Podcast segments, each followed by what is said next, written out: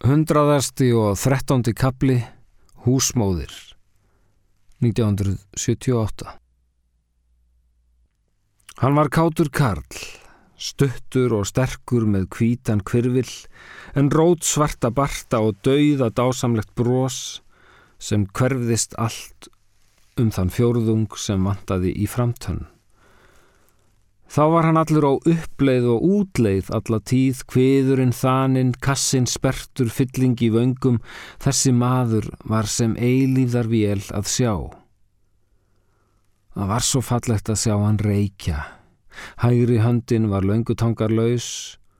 Hún draugnaði í páskaveðrinu og þó var þar ekkert bil að sjá því fingurni voru þykir og plássinu fegnir en þarna satt síkarettan og þannig bar hann sopan að sér.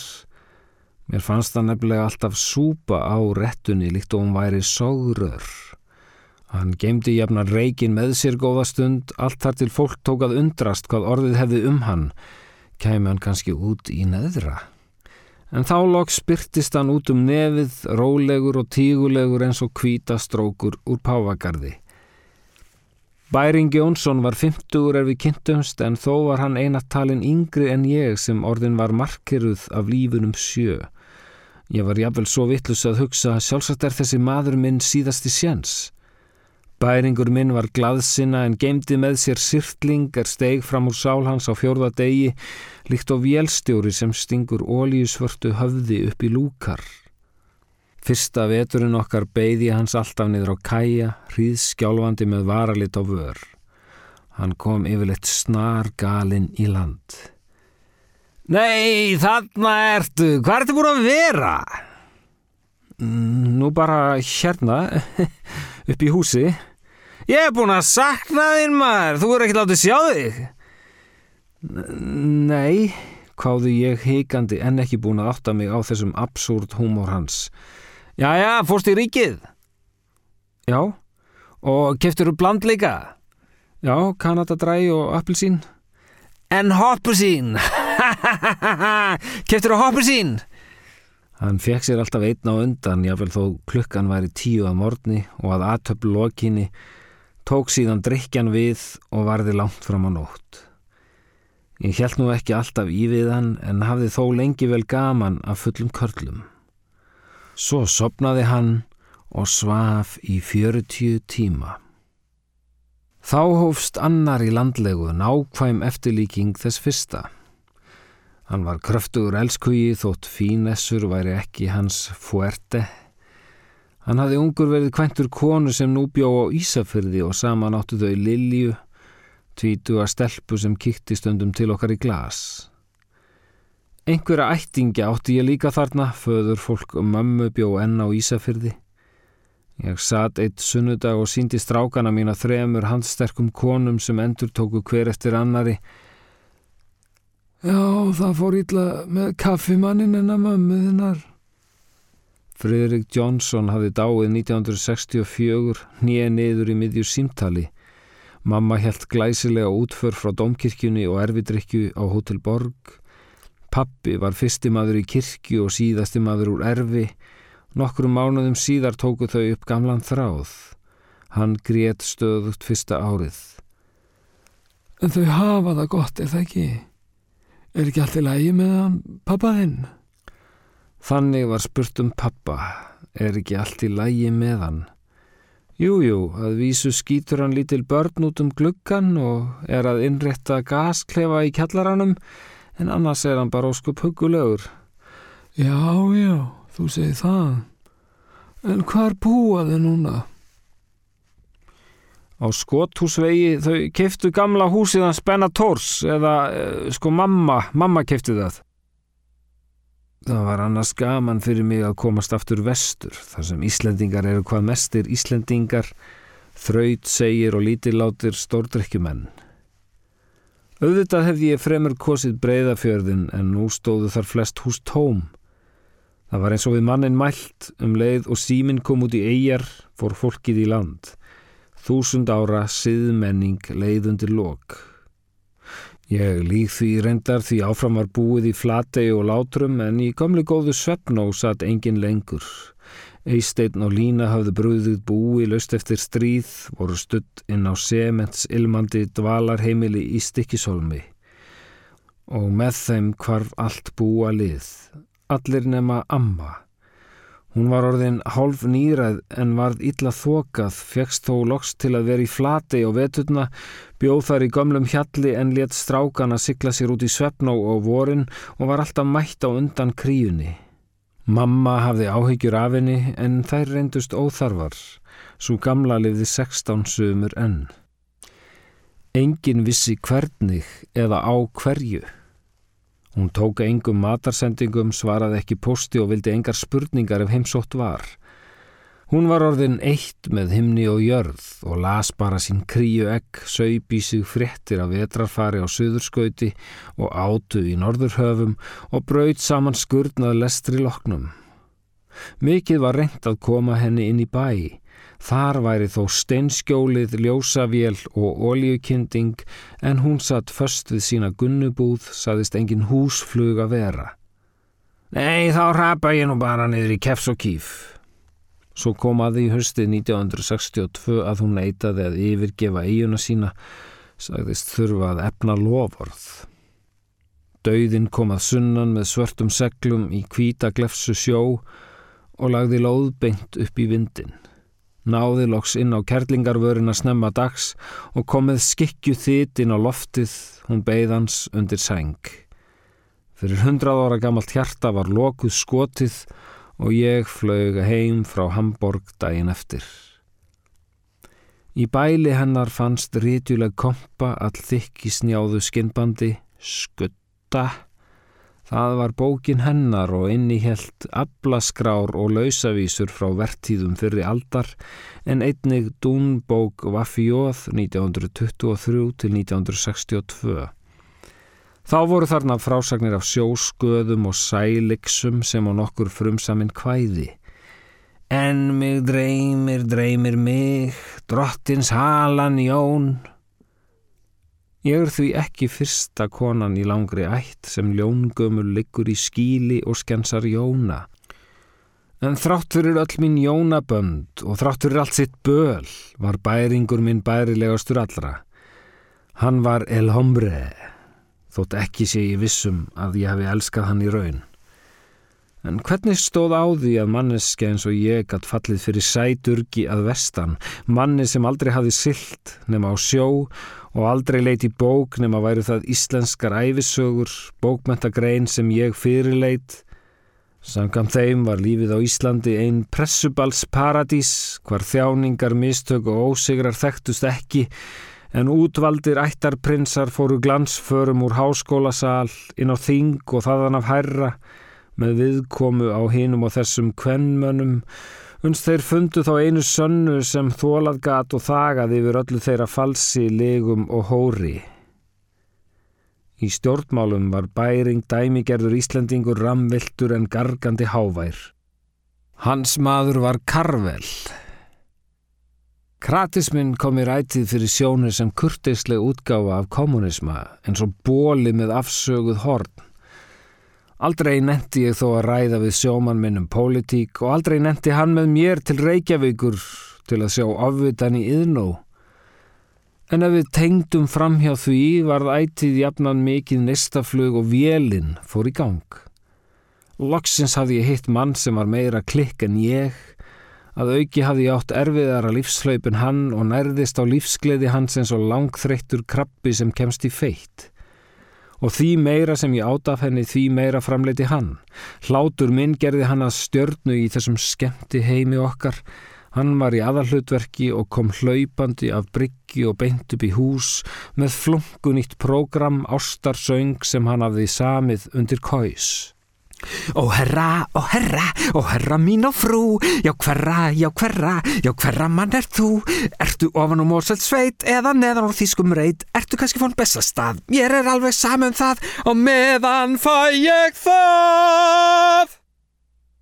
Dró síðan úr sjópoka sínum silki kjól með rauðkvítu blóma munstri sem hann sagðist hafa keft á Sundlandi, þjettbíli eigi sem þeir hefðu óvart rekist á í turnum miðja vegum millir Íslands og Grænlands og dölist hafði sjómanum um aldir. Sundland var gjör ólíkt Íslandi, gróður og veðursælt og þeir höfðu áttar ansi fjöruga helgi í höfðborginni Gunnu. Svona gæti hann byllað og var bestur þar til vínið tók við. Ástinn dopnaði með hverjum sopa, sér hver koss varð áþján og atlótin einsmanns íþrótt. Síðasta daginn vaknaði hann argur og þver og gargandi þunnur. Vélstjórin stakk sínum byggsvarta smurolíu kolli upp um lúugat og hofað skipa mér inn og út um húsið. Helvítis forsetta drösla! Ég var þrætt og læsti mig inn á klósetti. Hann barði á hurðina þar til panellin gaf sig og fór síðan handarbrotin í róður. Það reyndist honum ofviða og á þriðja degi kom hann tilbaka loftleiðina um borði bandarískri herþyrlu með fílamanns hönd. Hann framlengdi sjúkraleifið um ótiltekinn tíma og niðurlægður var hann allt annar maður. Við áttum hamingju daga með fallegu fjölskyldu lífi, bæring var heima og kynntist strákunum, kefti við þá í sjóman með heilu hendinni og leiði Halla að vinna sig ef hann var í húsi, Drengurinn sá var nú orðin mentaskóla piltur og bjó á heimavist á Ísafyrði. Ég naut þess að eiga eiginmann sem elskaði alla drengina mína jaft því hann átti engan þeirra sjálfur og borðaði allt sem ég bar honum, mann sem vaknaði á undan mér og lagaði kaffi handa tveimur, kom hlæjandin í Svefnebergi og laug hverjum degi með kröftugum húðsöng. Loksins var líf mitt gott. Hundraðasti og fjórtándi kapli Hrefnuvík 1980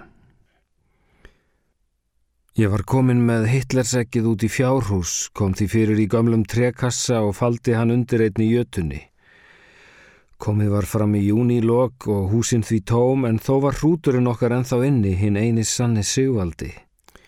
Ég staldraði við hjá honum á leiðinni út Hann starði á mig stjarfur og sterkhindur með karlmennsku bliki í augum.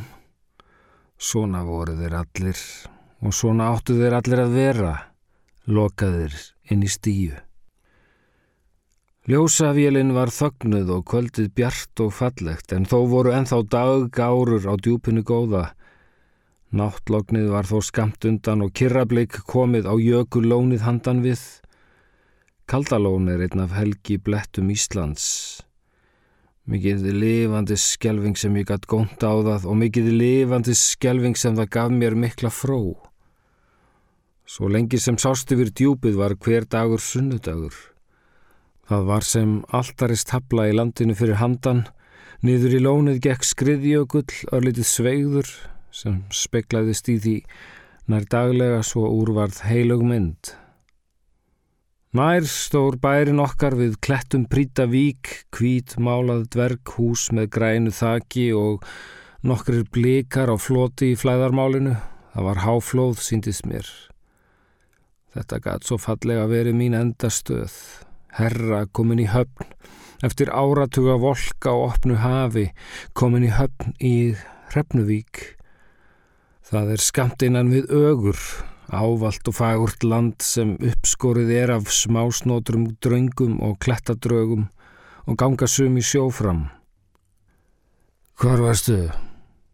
Ég skrapp, fór bara aðeins út. Hvert? Bara svona að, aðeins út í fjárhús, bætt aðeins á hjá valda og ég var búin að gefa honum í dag. Veit ekki að vera að flækjast, ég vil ekki hafa það. Skilur það? Varstu kannski að vonast eftir Jóni? Varstu kannski að vonast eftir honu Jóni? Hæ? Erstu að vonast eftir honu Jóni Óðagotti? Nú með hvað er þið hann þá? Hvað meinar þú? Er hann þá, verður hann þá miljón? Allar að kalla hann miljón kannski? Ertu að tala um Jón í móðarkoti? Þú ert Karlóð. Ertu ekki að fylgjast með kostningunum? Karl Óð segið, þú ert svo verðgjörn að þú ert farin að nutta þér upp við hrútin út í fjárhúsi. Hvar er útarpið? Það held ég verið batn úr því með Herra Björnsson og Sigvaldi Kaldalóns. Þetta fannst honum fyndið. Og verður barnið þá ekki kaldalóns? verður, verður það þá ekki kaldalóns? Nei, hvernig læti ég? Og þetta komin úr barnegn. Einn tóm helvitis fúleggi þér og lyktin eftir því. Pjú. Hann sat á sófabrún og grúði sig yfir látt sófaborð, flöskur, glas og öskudisk og umlaði síðustu orðin í göpnu sér. Var ég heppin myndi hann sopna senn. Hvar settur útarpið? Endur tók ég. Ertu ekki, er ekki að hlusta manni síðan? Jú, mér langar, mér langar að hlusta á tölurnar. Ertu ekki að hlusta á mig? Þú ert að hlusta á mig þegar ég tala. Nú rauk hann upp úr sófanum en var næstum dottin ofan í hann aftur. Lagði þá frá sér síkaretuna og ruttist fyrir borsendan. Ég reyndi að flýja inn í eldhús en hann náði taki á handlegnum á mér. Fyrir en varði hafði hann læst mig í hálstaki aftanfrá. Lyktinn var ægileg. Vínandi, tóbaks, sviti. Ég var hægt að geta drukkið með honum. Þetta voru djöfulegir dagar. Hann herti takið og frussaði yfir öxlin á mér. Heyrðu það herra, þú ert að hlusta á mig hona. Ég nenni ekki að vera að tala hérna bara út í loftið. Farð úr! Hann slefti takinu og ég náði aftur andanum. Hann hrindi mér fram gólfið. Farð úr, segi ég! Hann beindi mér í áttað söfneberginu, það var pínulítil skonsa smíðuð utanum dverg hjón sem áttu hér ástríka sambúð. Svo mikið fann ég frá fjölunum þeirra og þiljunum fallega máluðum. Ég var orðin vön þessu. Það borgaði sig að hlýða og býta á jakslinn. Þetta tók ekki nema 15 mínútur, líklega meira þó núna, hann var það drukkinn. Það var svo skrítið en ég þreyði þá daglegun auðgun með því að ímynda mér strákana mína, hugsa stert til drengjana mína. Halli var komin söður í háskólan en Óli og Maggi voru á héraskólanum í Reykjanesi þremur fjörðum innar í Ísafjörðadjúpi. Ég sá þá fyrir mér í tíma í sundi út undir vegg. Hvað voru þeir að gera út undir vegg? Þeir voru þó ekki byrjaðir að reykja. Æ, fer hann ekki að verða búinn. Mikið er þetta nú vond í dag. Honu fannst það kannski líka því honu tókst ekki að klára og hættiloks sparkaði mér niður á golf. Ég vil er að sjá þig. En svo rúin rolla. Ekki vona maður fáið það með svona rökku slitti. Út með þig. Ég reyndi að brölda á fætur djöfull sem ég var orðin lítil tífa. Ég var ekki hótinu starri en saman brotin kríu ekk skurn. Út með því segi ég, út! Ég flúði fram og fann um mig teppi í stofunni. Hann ruttist á eftir mér skipandi. Út úr húsinu! Út úr húsinu segi ég, út úr húsinu með þig! Reif síðan af mér teppið, hratt mér fram í bíslægið Það var nút á hlaðið og skellti aftur hurðinni.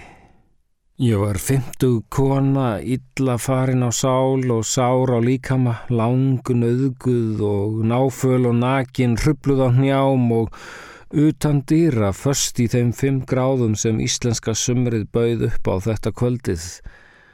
Ég bröldi á fætur og reyndi að komast aftur inn en heyrði hans smetla í lás.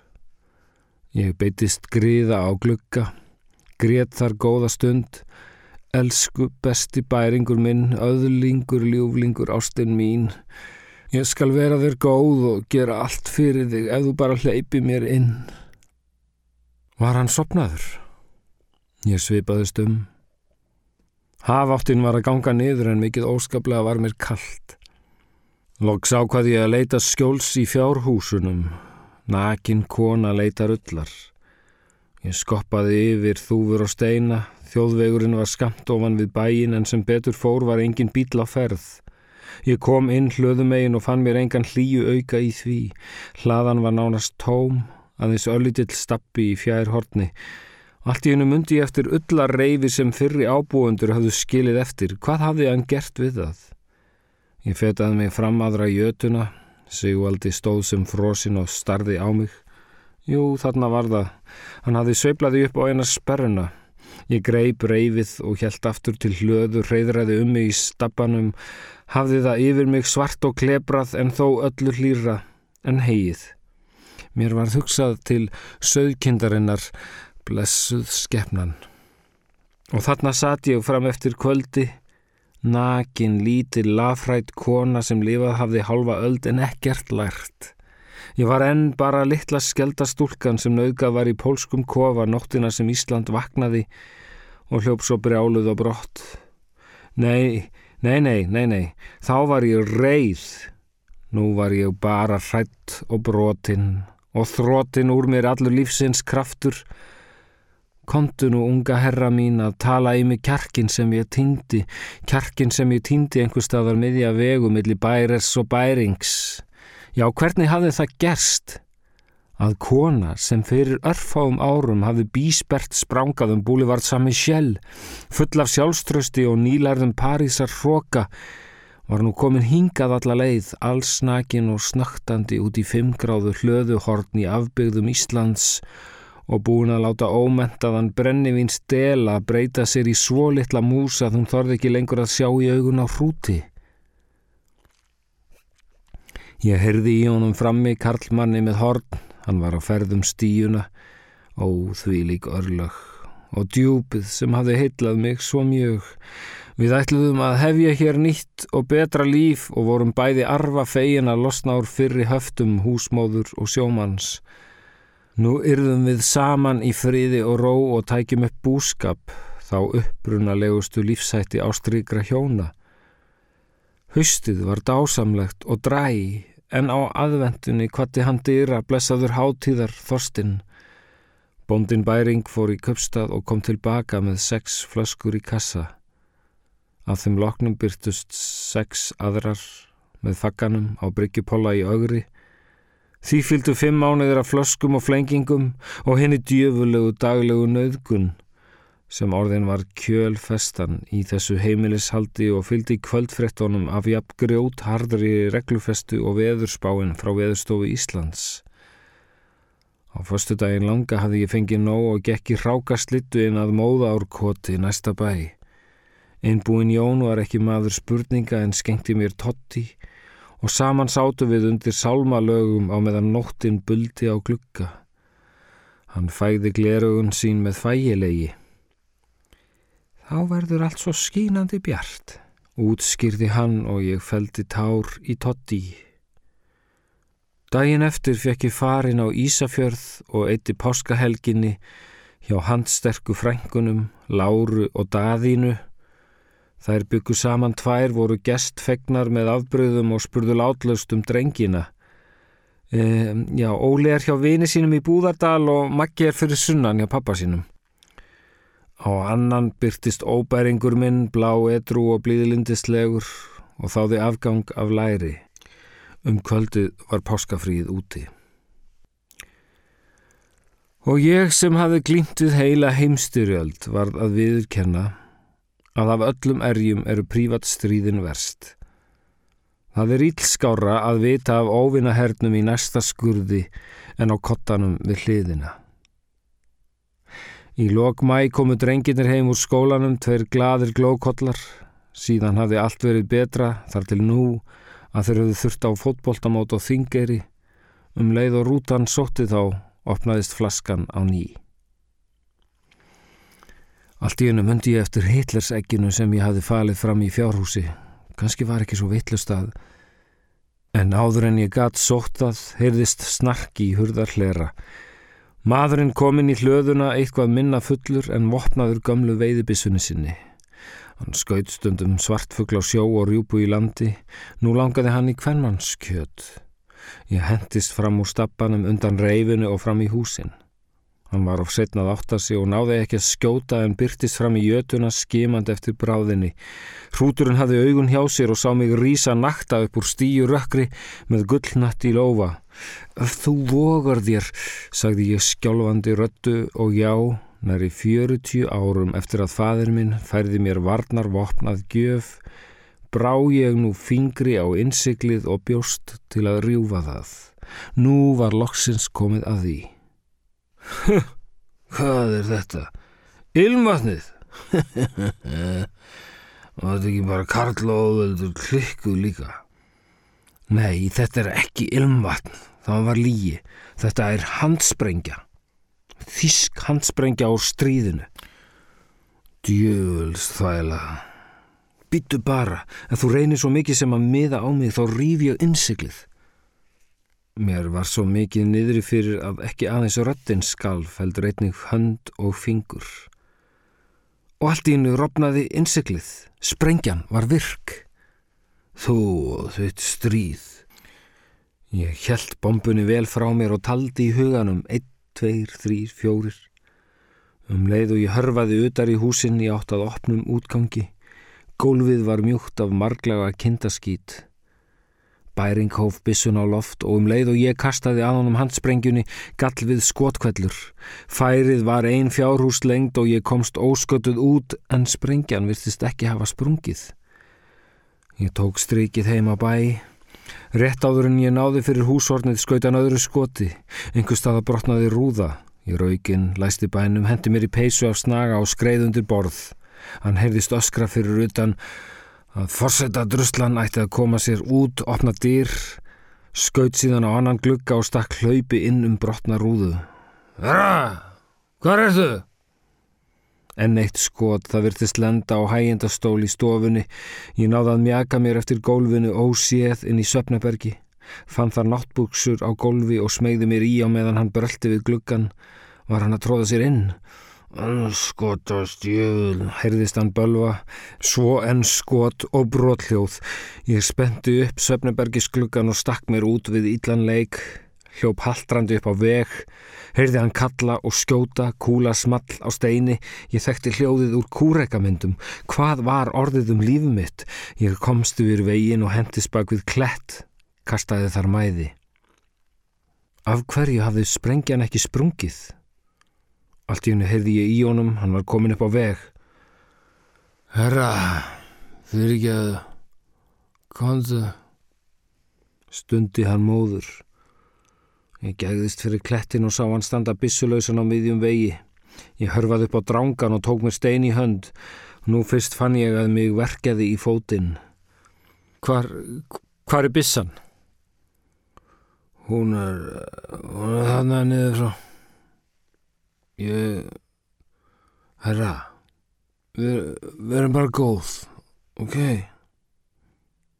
Röttin var drafandi drukkin og druknaði síðan í akljóði sem barst yfir blindhæðina á bakvið hann. Andartaki síðar byrtist lítil og kroppinbökuð sabbifreið eftir malarveginum. Bæring snýri sér við og færði sig út í kantin en bílinn stöðvaðist hjá honum. Hressileg ungsmannsörödd spurði um veiðihús. Ég notaði tækifærið og smegði mér yfir vegin í áttað bænum. Bæring horfi á eftir mér um leið og hann svaraði piltinum einhverju varðandi kostningarnar. Ég fann bissuna í móanum ofan við húsið og tók hana til handargags, gekk með hana niður fyrir hús, að baki mér snýri bílinn við og kvarf aftur yfir blindhæðina. Orðið var lágstreint og fjaran við fyrir vikið, fremstu steinar sæ dökkir og silfur kvittlogn á víkinni. Hér var draumfögur júninótt í djúpi, sem krýnd var krómbjörtu kaldalóni. Herra! Ég sneri mér og dokaði við þóttist nú örug með vopn í höndum á dökkblári duggarapeisu og köplóttum náttbuksum. Hann fetaði sér niður á veginum og framjá húsinu fór hægti yfir. Brott var hann í góðu skotfæri frá mér. Herra, saði hann rólega og yfirvegað, Fyrir ekki að við erum bara vinir. Látum ekki svona. Ég lifti bissunni ógnandi en hræðilega skjálfend. Skotin, skotin er búin í henni. Sagði hann örugu með sig og rétti út höndina um leið og hann nálgæðist. Hérna, ég skal taka hana. Ég let vopnið síga en slefti því ekki og horfaði frá honum neðar í fjöruna með steinhljóði. Hann eldi. Ég sneri mér við og tók báðum höndum um hlaupið, sveiplaði bissunni duglega og let hana gossa eins langt út og ég gat. Hún small á lignum fletinum og kvarfi í djúpið. Um leið fekk ég hrammin á öxlina og öskur í eira Hvað í onskotanum ert að gera, manneska? Hann snýri mér eldrætt við og gaf mér bilmingshögg með kreftum hnefa, það kom undir aðra nösina. Ég fjall við og barðist við rótið, komst fljótt á fjóra lappir og spýtti út um mér tannbróti. Blóð slefaði steina. Hann þreyfaði fyrir sér með frekari barsmíðar en ég náði að krabla mig lausa og staulaðist út á fjörutangan vestanmegin stórgrítan. Ég rann tvísvar ítla en þráaðist á fætur og greip í setna skiptið stein til að hafa í hendi. Brátt var ég komin út á enda, stóð þar eins og degjandi manneska sem gefin er ein hugsun enn.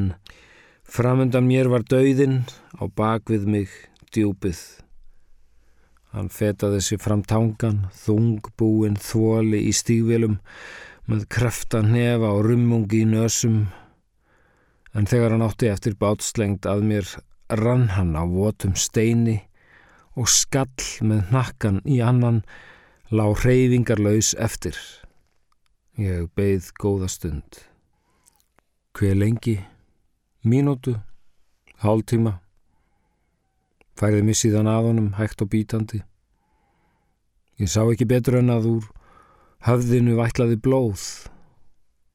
Var hann dáinn? Var ástinn mín dáinn?